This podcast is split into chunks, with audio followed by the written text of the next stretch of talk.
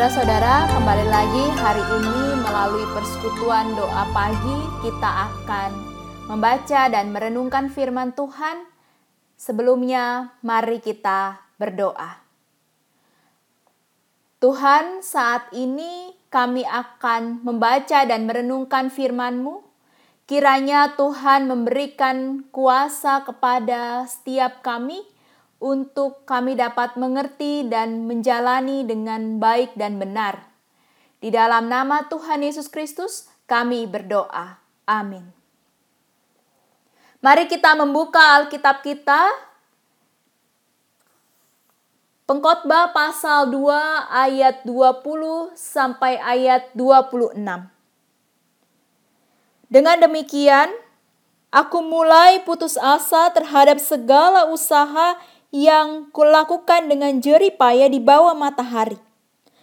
Sebab kalau ada orang berlelah-lelah dengan hikmat, pengetahuan, dan kecakapan, maka ia harus meninggalkan bahagianya kepada orang yang tidak berlelah-lelah itu. Ini pun kesia-siaan dan kemalangan yang besar. Apakah faedahnya yang diperoleh manusia dari segala usaha yang dilakukannya dengan jerih payah di bawah matahari dan dari keinginan hatinya.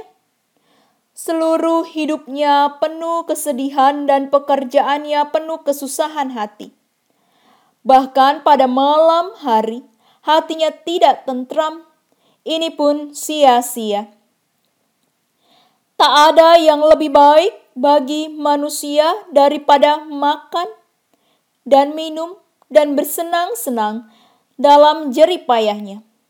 Aku menyadari bahwa ini pun dari tangan Allah. Karena siapa dapat makan dan merasakan kenikmatan di luar dia? Karena kepada orang yang dikenannya, ia mengaruniakan hikmat, pengetahuan, dan kesukaan. Tetapi orang berdosa ditugaskannya untuk menghimpun dan menimbun sesuatu yang kemudian harus diberikannya kepada orang yang dikenan Allah. Ini pun kesia-siaan dan usaha menjaring angin. Saudara-saudara yang dikasihi Tuhan, tema kita saat ini ialah kesia-siaankah yang dilakukan? Pemerintah terus berupaya untuk memutus mata rantai penyebaran virus COVID-19. Sekalipun himbauan dari waktu ke waktu berubah-ubah. Hampir tiga bulan pemerintah meminta warga Indonesia bekerja, belajar, dan beribadah di rumah saja. Tetapi sesungguhnya ada satu hal lagi yang juga dilakukan di rumah saja, yaitu berekreasi kita harus mencari cara untuk selalu mengalami sukacita di masa pandemi. Respon warga Indonesia beragam terhadap himbauan pemerintah. Ada yang sangat taat, kurang taat, dan tidak taat. Sebagian besar orang yang sangat taat terhadap berbagai protokol kesehatan agaknya memiliki rasa sia-sia ketika diperhadapkan dengan sekelompok orang yang tidak taat. Rasa sia-sia tersebut diekspresikan melalui media sosial dengan tagar hashtag Indonesia terserah dan viralnya sebuah lagu terserah. Pengorbanan menahan diri untuk tetap di rumah saja dan membatasi aktivitas di luar rumah menjadi sesuatu yang tidak dihargai oleh orang lain. Benarkah usaha kita menahan diri untuk membatasi aktivitas di luar rumah menjadi sesuatu yang sia-sia? Kisah perjuangan kita saat ini serupa dengan apa yang tertulis di kitab pengkhotbah walau berbeda konteks. Kitab pengkhotbah berbicara tentang kesia-siaan dalam arti hidup yang fana. Sia-sia yang dimaksudkan bukan tanpa makna, tetapi mengingatkan akan kematian. Setiap orang akan mengalami kematian. Sehingga apa pun yang dilakukan dan didapatkan di dunia ini kelak akan ditinggalkan. Berbekal hikmat, pengetahuan, dan kecakapan, penulis memperoleh hasil berlimpah. Penulis merasa menyesal atas hasil dari kerja keras yang dilakukannya. Mengapa demikian? Karena hasil dari jeripayanya justru dirasakan oleh orang lain. Apakah ini menjadi alasan untuk orang bermalas-malasan dan mengabaikan kesempatan yang Tuhan berikan? Tentu maksud penulis tidak demikian. Justru menyadarkan kita bahwa hidup ini singkat, maka nikmatilah dan bermaknalah. Hal-hal yang membuat merasa sia-sia. Karena saya di rumah saja dan mereka berkerumun tanpa protokol kesehatan. Tenaga kesehatan merasa pujian kepada mereka hanya sesuatu yang maya, bukan realita. Saya dikeluarkan dari pekerjaan. Pengusaha menutup usahanya karena tidak lagi mampu membayar karyawan. Berduka karena kehilangan anggota keluarga. Dan dampak-dampak lainnya karena kehadiran virus COVID-19. Rasa sia-sia dan kecewa menjadi hal yang wajar. Tetapi kita juga perlu mengingat bahwa jeri lelah yang kita lakukan saat ini sekurang-kurangnya berguna untuk diri sendiri dan anggota keluarga. Tuhan masih memberikan kesempatan untuk kita menikmati kehidupan yang singkat ini dan memiliki makna untuk orang-orang terdekat. Kita yang melakukan protokol kesehatan di dalam Tuhan, maka tidak sia-sia. Seseorang yang memperoleh makanan, minuman, dan sukacita dari pekerjaannya sendiri tentu lebih merasa puas. Namun, perlu diingat jika semuanya itu berasal dari Tuhan. Begitu juga ketika kita dibekali hikmat, pengetahuan, dan kecakapan untuk tetap dapat makan, minum, dan sukacita hingga saat ini. Kita perlu terus mengingat itu semuanya berasal dari Tuhan kita bersyukur atas semuanya itu di tengah-tengah kekecewaan dan kesia-siaan melingkupi pikiran dan hati kita. Bekal hikmat, pengetahuan, dan kecakapan perlu ditindaklanjuti dengan kedewasaan rohani dan emosi, supaya tepat dalam menimbang dan memilih yang baik dan benar.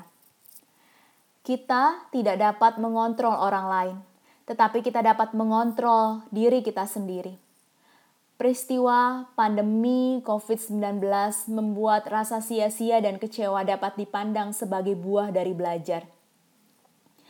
Lakukan setiap bagian kita untuk memutus mata rantai penularan COVID-19. Bukan untuk mendapat pujian dan penghargaan, tetapi sebagai bentuk cinta kita kepada Tuhan dan sesama. Amin. Saudara-saudara, mari kita menaikkan doa syafaat kita. Mari kita berdoa. Tuhan, saat ini kami menaikkan syafaat kepadamu dengan segala kerendahan hati kami di hadapan sesama dan merendahkan diri di hadapan Tuhan.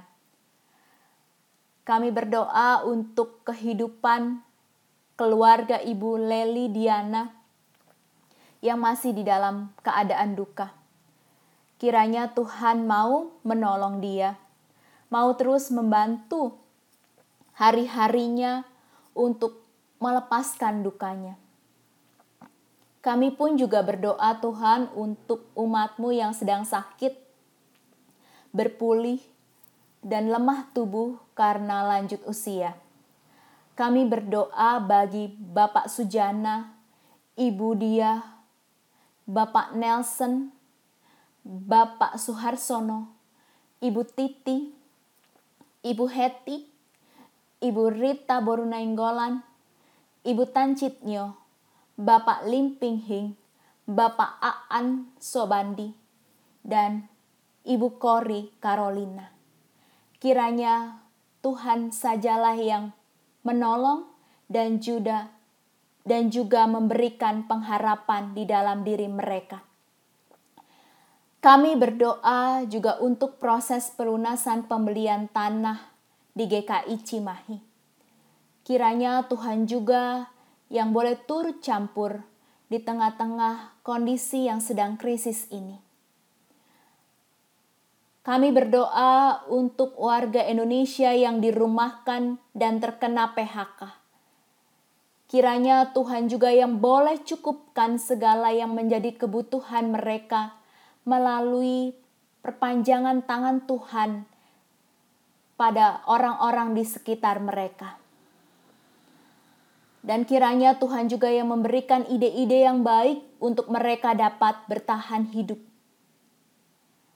Kami pun juga berdoa Tuhan untuk kedewasaan rohani dan emosi bagi setiap warga Indonesia di dalam partisipasi mereka dalam memutus mata rantai penularan virus COVID-19 ini.